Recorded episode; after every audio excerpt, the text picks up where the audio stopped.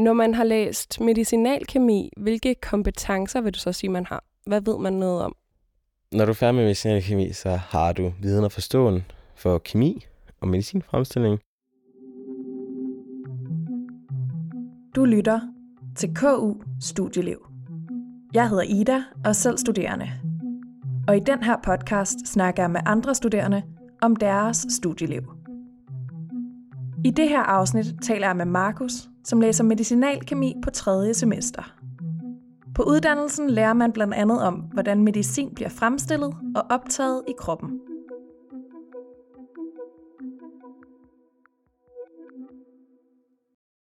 Kan du ikke lige prøve kort at forklare mig, hvad medicinalkemi går ud på?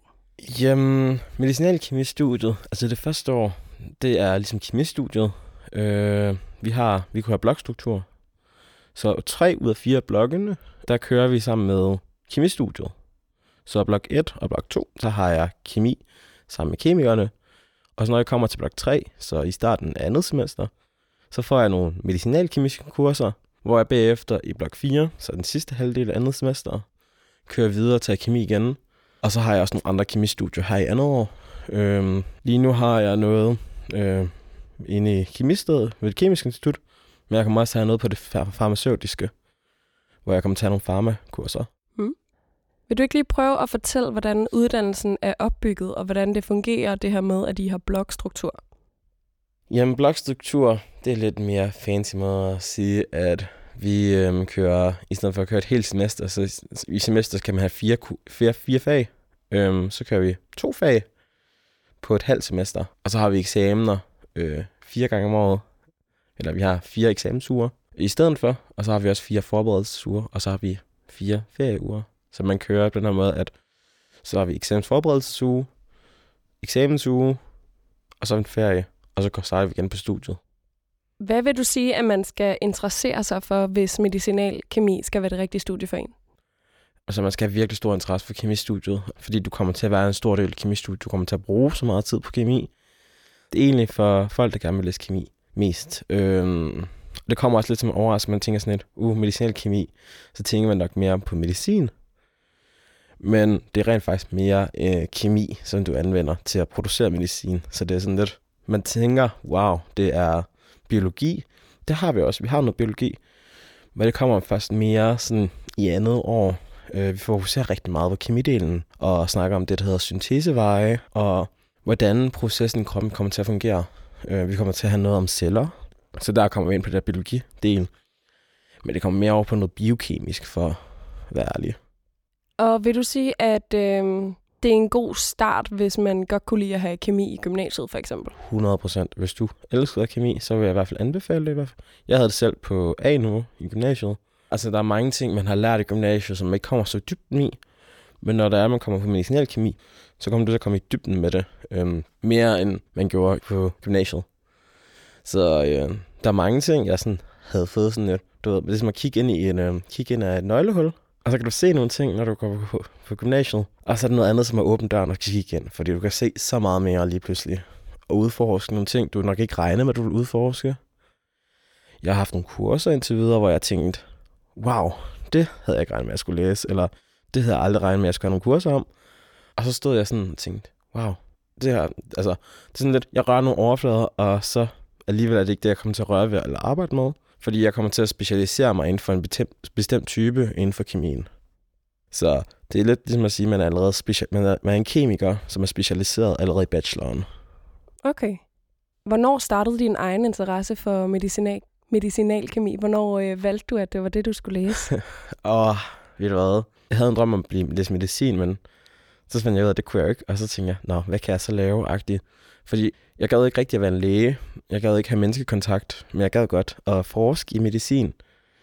Og så søgte jeg lidt rundt, og så kom medicinalkemi op. Og så fandt jeg ud af, hvordan man kunne komme ind, og så sagde de, du skal bare leve op til de her krav. Og så tænkte jeg, det kan jeg godt gøre op til. Og hvad er det, du synes er så spændende ved dit fag? Hvad er det, der er fascinerende? Altså, nu har jeg kun haft sådan rigtig haft to medicinalkemiske kurser, men jeg synes, det var virkelig fedt at lære om synteseveje og hvordan medicin bliver fremstillet og hvad for nogle krav og kriterier der er for et molekyle til, at det kan blive optaget i kroppen, og reagere ind. Man skal sådan tænke på, at i kemi, så øhm, lad os nu sige, at vi har et molekyle, Det kommer ind, så sidder det så fast, ligesom Lego-klodser. Og så når der er de her Lego-klodser, de sætter sammen, så sker der en reaktion i kroppen, der sender nogle signaler rundt, som responderer til, at din krop skal reagere på det. Øh, vi havde noget i et af kursen, der snakker om, at når der er, at du spiser noget medicin, øh, så kommer den ned, så bliver det fordøjet, og så sker der nogle reaktioner, der betyder, at det bliver til en anden slags molekyl, som rent faktisk er det, man opsøger, der har den her effekt, du leder efter. Men også det med, hvordan du kan øh, få medicin ind i dig. Det var også meget spændende, fordi at det er meget forskelligt. Fordi at når man kigger på molekyler, så siger de, at de har nogle regler for, at jamen, det er mest effektivt, hvis du indånder det, eller hvis du fyrer det direkte ind i blodet, end hvis du er, du spiser det.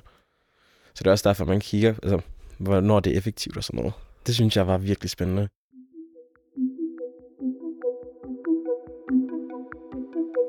Hvis vi lige spoler tiden lidt tilbage til din studiestart, Ja. kan du så ikke lige prøve at fortælle, hvordan den var, og hvad, hvad I lavede?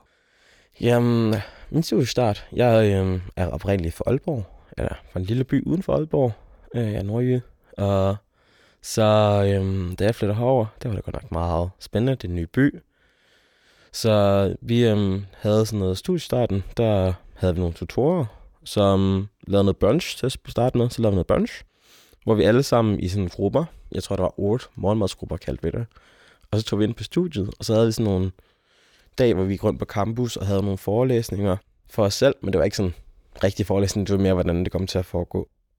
Så det var meget det her med, at det her skal I vide, og de her ting skal I lige vide, så det var meget informationer. Og så havde vi nogle aktiviteter hen over ugen, men så havde vi også en rustur, hvor vi tog til et eller andet sted hen i Sjælland-området, jeg ved det ikke. Vi sad i en bus i lang tid. øhm, og så lavede vi nogle aktiviteter på den her tur. Øhm, og egentlig bare havde en hyggeweekend på sådan en hyggetur. Hvad var din oplevelse med at starte på universitetet sådan rent fagligt? Hvordan var det at vende sig til en ny Øhm, hverdag? Uha, det var lidt hårdt. Øhm, jeg tror, jeg startede ud med at tro, altså i gymnasiet, der kørte jeg sådan lidt sådan slow pace. Det behøvede ikke blive vildt, det behøvede ikke være sådan høj karakter eller sådan noget.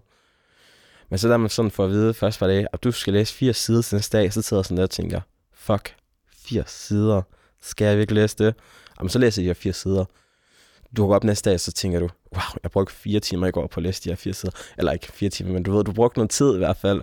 Det tror jeg er en overdrivelse. Ja. Men du får læst en del, og så sidder du sådan og tænker, jeg kan egentlig ikke huske, hvad det er, jeg har læst. Og så sidder man sådan og indser, er det måske reelt? Altså, jeg føler ikke selv, det er nyttigt for mig at læse de her 80 sider. Jeg skimlæser, så kigger jeg, så læser jeg nogle vigtige hovedpunkter, og så kigger jeg på billeder. Jeg elsker at kigge på billeder.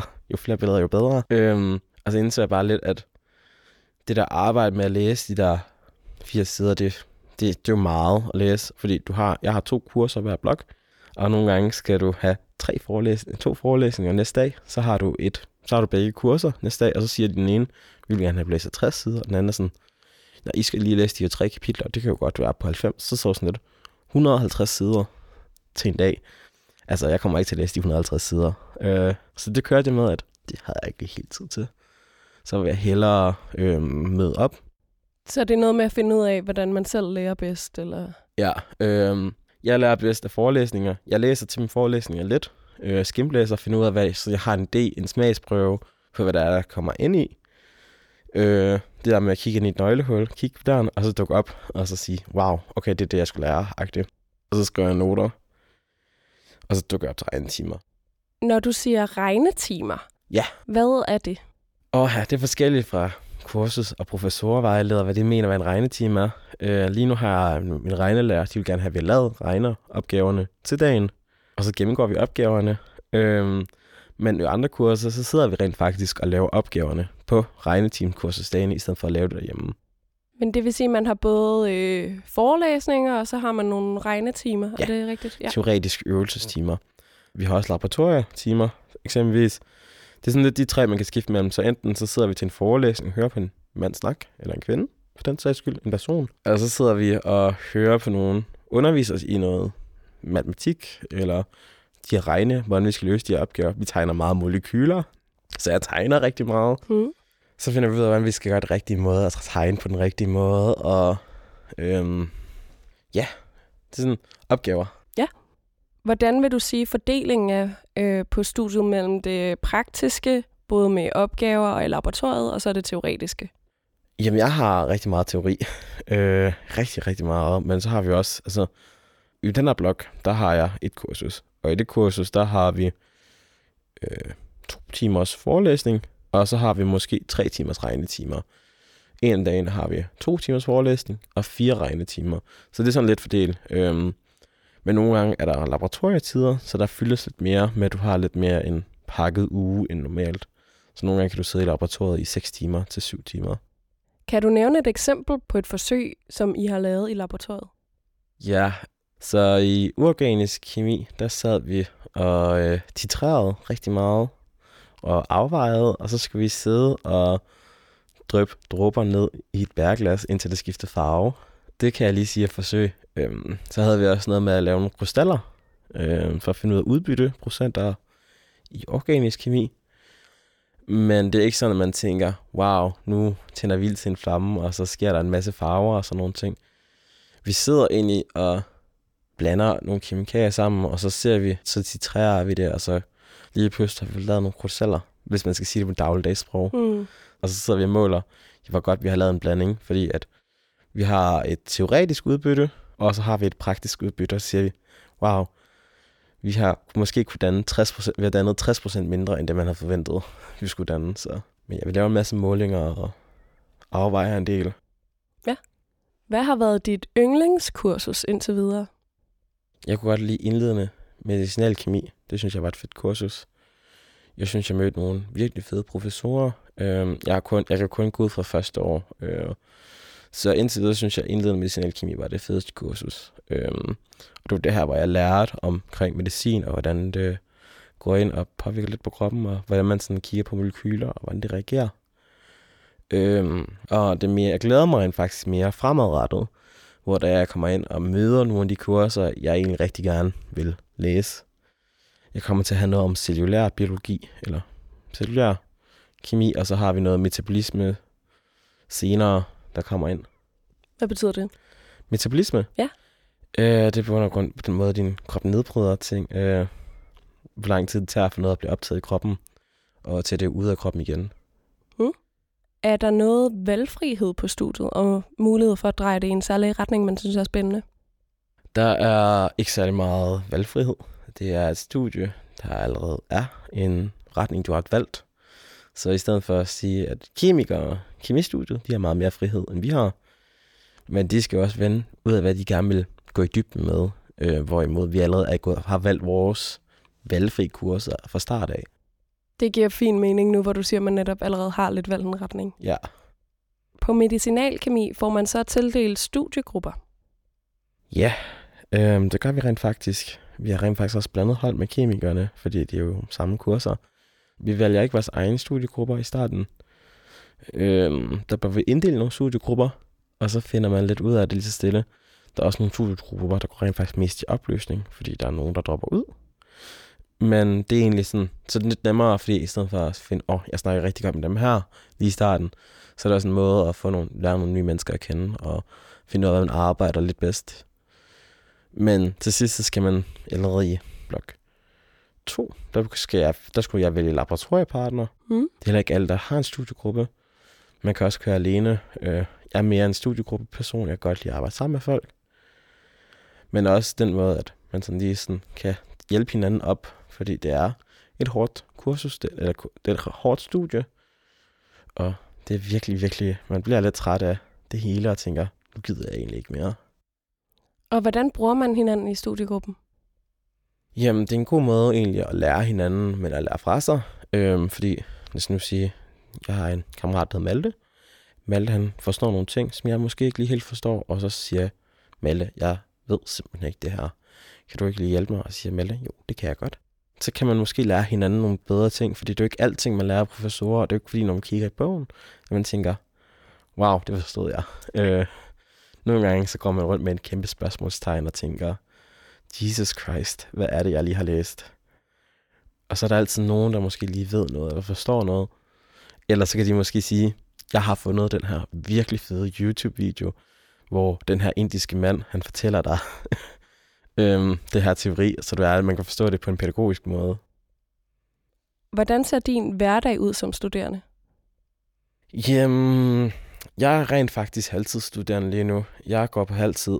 Øh, jeg gik rent faktisk mentalt ned i første år. Jeg, jeg kunne virkelig mærke et kæmpe pres på mig selv, som egentlig er bygget af min egen øh, synspunkt øh, på, hvordan jeg synes, jeg, altså, det var virkelig hårdt at flytte og sådan nogle ting fra Aalborg af.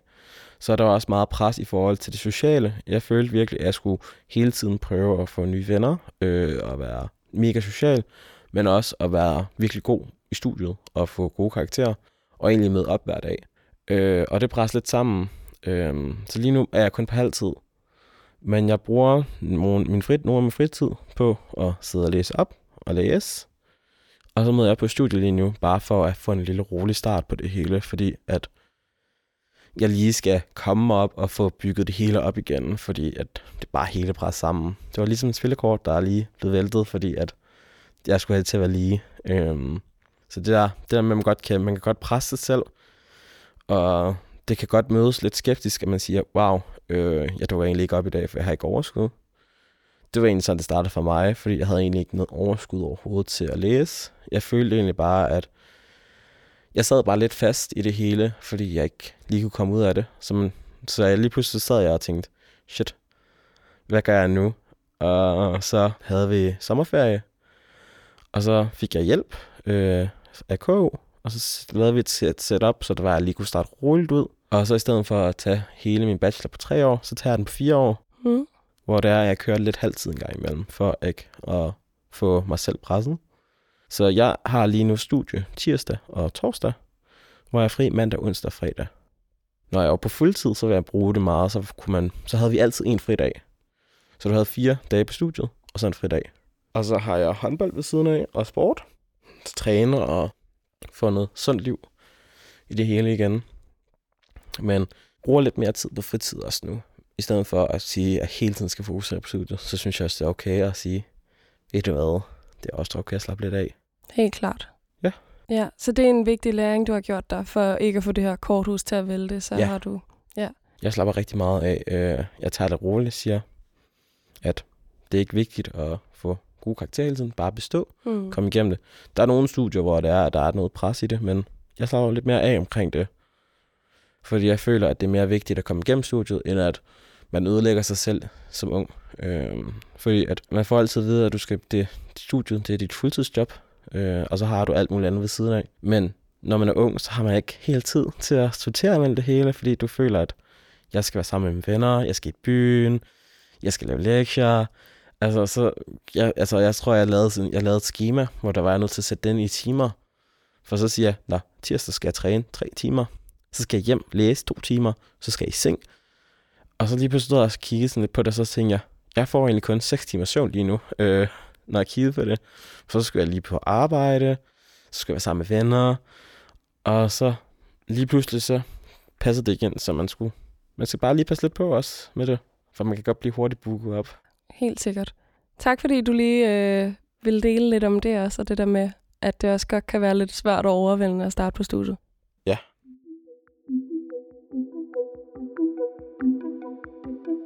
Når man har læst medicinalkemi, hvilke kompetencer vil du så sige, man har? Hvad ved man noget om? Når du er færdig med medicinalkemi, så har du viden og forståen for kemi øh, og medicinfremstilling. Og du, øh, du har rigtig meget kemividen, så du ved egentlig en del kemi. Du har også noget matematik, som du kan bruge til at arbejde videre på. Øh, du skal nærmest have en kandidat, så når du er færdig med kandidaten, så ved du viden inden for feltet inden for medicinfremstilling, og hvad, hvad det kræver, og hvad man skal vide for at kunne lave medicin, synteseveje, og nogle andre, der er også nogle andre aspekter inden for det, som man møder ind. Øh, jeg møder mest kemi, kemidelen lige nu, men der kommer også til at være lidt om, jeg kan huske i et kursen, der havde vi lidt om noget marketingsting, øh, patent. Mm. Du kan tage patent på molekyler, og så lærte vi, jamen, hvad er den mest effektive måde at tage patent? Altså sådan, wow, øh, der skal man nogle ting, man skal holde øje med, øh, for at være effektiv. Ja. Og når man er færdig med at studere, hvad kan man så ende med at arbejde med? Der er nogle farmaceutiske øh, steder. Øh, størstedelen ender nok på Novo Nordisk, for at være ærlig. det er lidt det, jeg gerne selv vil arbejde i. Øhm, jeg ved i hvert fald, at i starten, der tog vi på en tur, hvor vi gik rundt på noget nordisk og fik set noget nordisk lidt an, og hvordan det hele var sat op. Så der er mange, der ender derhen. Øhm, men der er også nogle eksempler, hvor nogen ender andre steder. Ja. Hvis man for eksempel ender med at arbejde hos Novo Nordisk, hvad er det så, man laver, når man har læst medicinalkemi? Uha. Øh, jamen, jeg kender nogen, der har læst nogle ældre studerende, som er blevet færdige. Og så nogle af dem, de sagde, de laver noget helt andet, end det, de læste på kemistudiet, mm. eller det, de læste på deres studie. Jeg kender en på mit håndboldhold. Han arbejder med noget administrativt arbejde, hvor han er projektleder, hvis jeg husker rigtigt. Øhm, hvor han egentlig bare holder øje med, at nogen er i et laboratorie og får ordnet og får testet nogle ting. Øhm, der er også nogen, der sidder og kigger, laver en masse molekyler, og så kigger på, hvad for nogle molekyler er mest effektivt. Og der er egentlig meget i det, fordi at det der med at skabe medicin og sådan nogle ting, det tager mange 30 år, før at medicin kommer på markedet. Så der er en meget lang proces. Så når jeg er færdig som 20-årig, så kunne det godt være, at jeg starter på et projekt som 30-årig, som først kommer på markedet, når jeg rammer de 80. Så Ja. det er en proces, der tager lang tid, så du kan ende inden for mange ting derinde. Øh, Novo Nordisk er jo i sig selv et stort, stort firma med mange muligheder for job.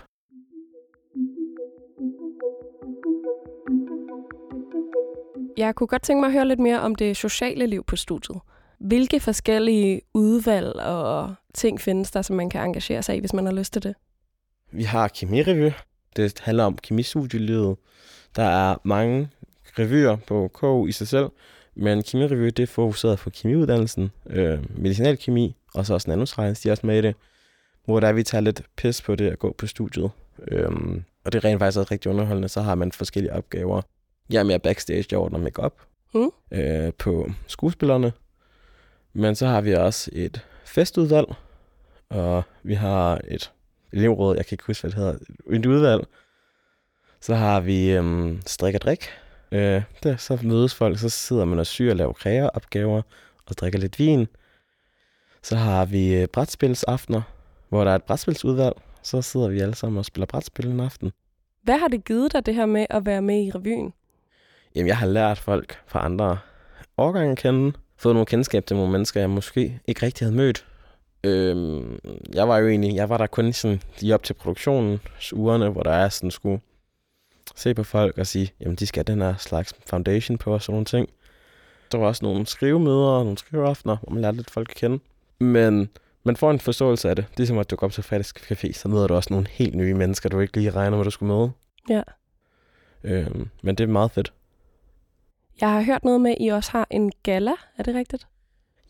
Vi har gala. Jeg var ikke selv med til den i år, men øhm, vi har en gala hvert år, hvor vi øhm, har pænt tøj på. Der er tre retters menu, og så spiser vi lækker mad, og så holder vi nogle præsentationer, og egentlig har en virkelig fed fest, hvor alle kommer i pænt tøj. Det er virkelig flot. Især på de billeder, jeg har set. du må med en anden god gang. Det tænker jeg også. Her til sidst kunne jeg godt tænke mig at høre dig, om du har et godt KU-hack. Jamen, mit K-hack, det er, at jeg har en forlængerledning, som en af de få mennesker, der går rundt med en i tasken. Jeg går ikke rundt med sådan en kæmpe stikdåse, eller jo, der er en lille stikdåse, men det er egentlig bare en kæmpe lang ledning. Så kan der være fem ladere i, fordi det er ikke alle steder, stikkontakterne virker. Og så er det godt, at man har en fingerledning. Det er der ikke nogen, der har næsten. Tusind tak, Markus, fordi at du vil fortælle om dit studieliv. Jo, tak. Hvis du er blevet nysgerrig på medicinalkemi, kan du læse mere på studier.ku.dk. Du kan også møde mange flere studier på Instagrammen KU Studieliv. Tak fordi du lyttede med.